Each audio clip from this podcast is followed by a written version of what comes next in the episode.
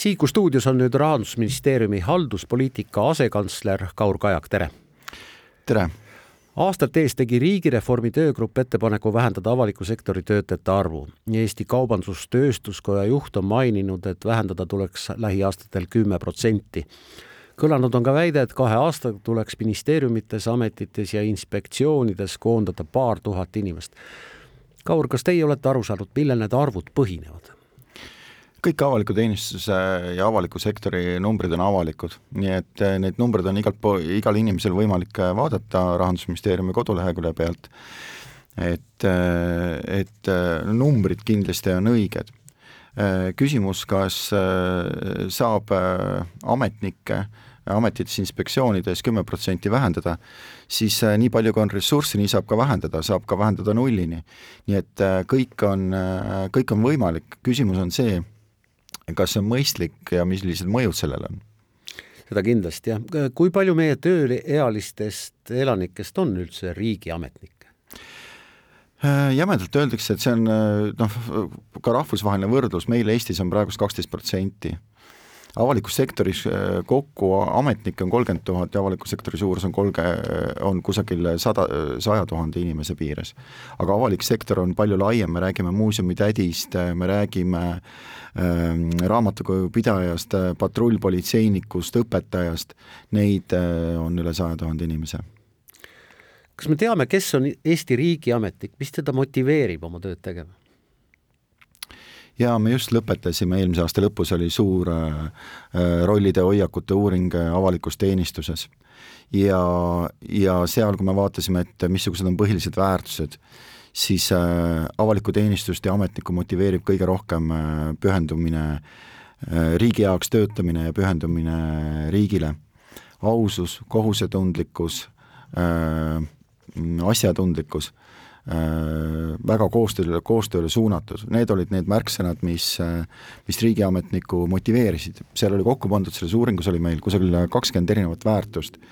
Ja peab tunnistama, et, et kui eesotsas oli selline ausus, kohusetundlikkus, riigi teenimine, siis selle kahekümne osas olid äh, kahekümne seal lõpus, uuringu või need väärtuste lõpus, viimased äh, kolm olid, äh, kolm järgmist märksõna, mille, mis vajavad ka selgitamist, oli äh, innovatsioon, mis, millel põhjus ma igal, igal sellel väärtuse juures ka põhjendan, et innovatsioon mingis mõttes on avalikus teenistuses ka natuke lörtsitud et, et, et kui tahetakse muutusi teha ja eriti võib-olla IT-sektoris, siis äh, need on päris koormavad, päris suured ja kas ta lõpuks ikkagi äh, annab äh, mingisugust kasu, siis tuleb tunnistada, et ametnikel on teatud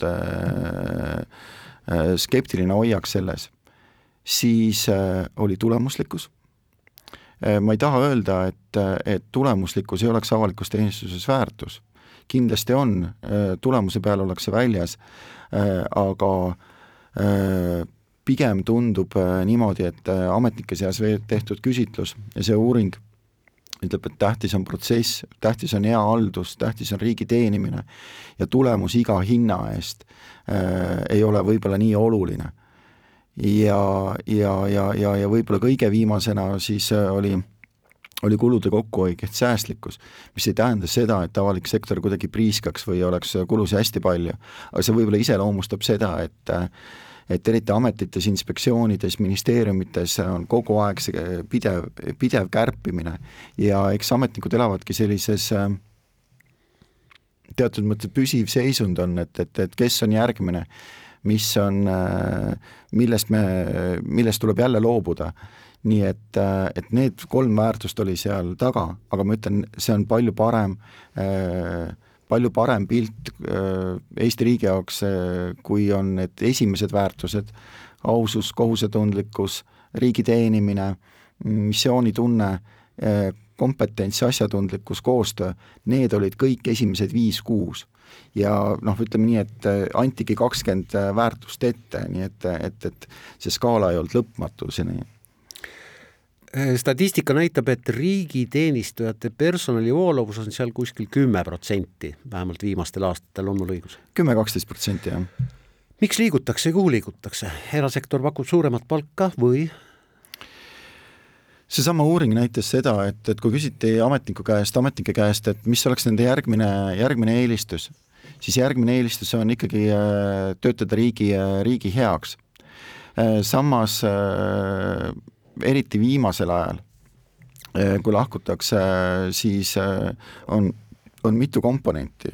ma arvan, et ma isegi ei tahaks siin seda palgakomponenti tuua, et et mina näen igapäevaselt inimesi töötamas ja kui küsida, et kas see palk on põhiline komponent tööl käimiseks, siis, siis see ei ole aga esiteks sellised, äh, see, mis ametnikke võib-olla häirib või mis neid lahkuma sunnib, kõige esimene on võib-olla avalik kuvand.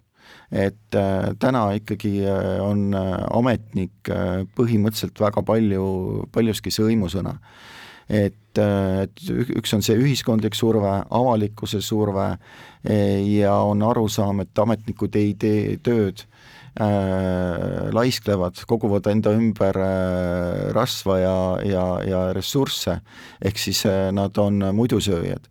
ja see närib, eriti kui sa paned inimese, kellel on missioonitunne kõrge ja sa kogu aeg, äh, kogu aeg saad äh, tümitatud, siis äh, ühel hetkel noh, sa pead valima, et kas sa kannatad seda või mitte. samas töökoormus on ka väga suur et ametnikud teevad päris tööd.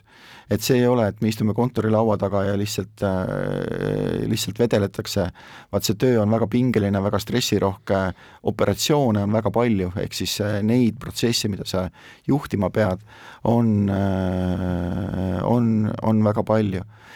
nii et äh, et see on võib-olla see, mis tavalist ametnikku kõige, kõige rohkem mõjutab teate, ma hakkasin ka praegu mõtlema, et kust see kuvand on tulnud, et riigiametnik ei tee tööd või lihtsalt laiskleb, et see noh, terve mõistus ütleb kõigile inimestele, et see on ju jama.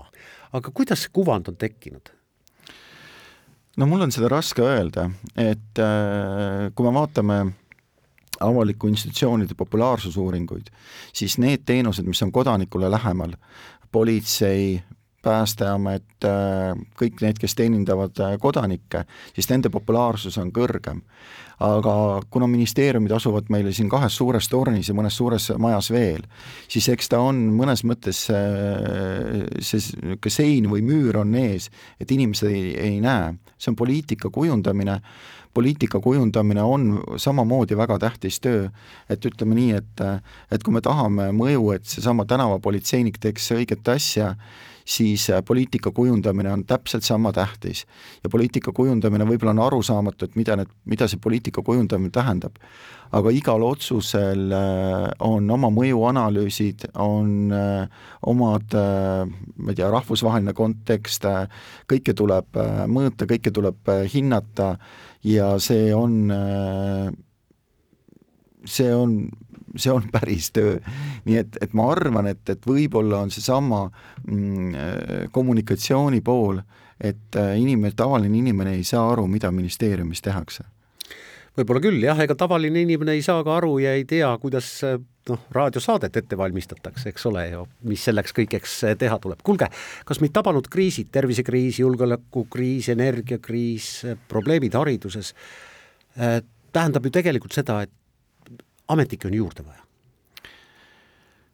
või on mul loogikas mingi viga? ma ei, ma ei taha öelda, et ametnikke juurde vaja on, et kui me vaatame neid kriise, siis äh, avalik sektor oli väga paindlik, et kusagil vähenes, kusagil suurenes. et ega Covid kriisiga oli ka äh, ju täpselt, äh, täpselt samamoodi, et, et mõned asutused, mõned organisatsioonid kus Covidi ajal ei olnud nii suurt pinget, siis need kõik vähenesid. ja kui me vaatame Terviseametit, Sotsiaalministeeriumit, Sotsiaalkindlustusametit, siis nende arv, arv, arv tõusis nii et, et see on kogu aeg, kogu aeg on selline tasakaalu ülesanne, et eelmine aasta ministeeriumites suurenes inime-, inimesi küll kolmsada inimest, aga kui me vaatame kogu keskvalitsust, siis ikkagi peaaegu praktiliselt viiesaja inimese võrra vähenes. et küsida, et kas ametnikke on palju või vähe, mina ütleksin nii, et ametnikke on parasjagu, aga seda ei saa lõpuni miinimumi tõmmata, et, et et sa ei saa ainult kärpida ministeeriumi ametite inspektsioone, sest meil on mingisugused mitte mingisugused, aga on arusaam, et kui kärpida, siis kärpida saab ainult ühest otsast, on riigil on äh, võimalusi, äh, kokkuhoiuvõimalusi ka teistes sektoris, lihtsalt need nõuavad keerulisi valikuid. nii on jah, Kaur Kajak lõpuks, noh, bürokraatia on selline sõnakõlks, mis on sageli muutunud täiesti mittetähenduslikuks, et kasutatakse sõna oh, bürokraatiat on liiga palju, mõtlemata, mida see tähendab. Tegelikult kas ja kuidas üldse saab riigi bürokraatiat vähendada ja kas peabki? peab ikka et äh, bürokraatiaga võitlemine on, ma arvan, et äh, riigi usaldusväärsuse jaoks üks kõige olulisemaid küsimusi. sest äh, noh, miks seda ametnikud nii valulikult võtavad, et, et et inimesed peaksid olema kaasatud riigi asjadesse ja usaldus riigi vastu peab olema kõrge. kui, kui bürokraatia on suur ja asjad inimesele ei suju riigiga suhtlemisel, siis on see probleem sellega tuleb võidelda. võib-olla see kokkuhoid ei olegi alati nii suur, aga selle vastu tuleb võidelda. küsimus, et kes saab bürokraatiat vähendada, siis seda saab eelkõige ametkonnad ise et, et alati öeldakse, et võib-olla veeretatakse see bürokraatia vähendamise ülesanne poliitikutele, siis ma arvan, et äh, igasuguste kooskõlastajate heakskiitmiste äh, äh, ja, ja noh, niisuguse, see on poliitikute jaoks liiga detail. bürokraatia vähendamine on ametkonna enese korralduslik küsimus, mida nad peaksid ja, peaksid ja saavad teha. suur tänu, et tulite Siiku stuudiosse, Rahandusministeeriumi halduspoliitika asekantsler Kaur Kajak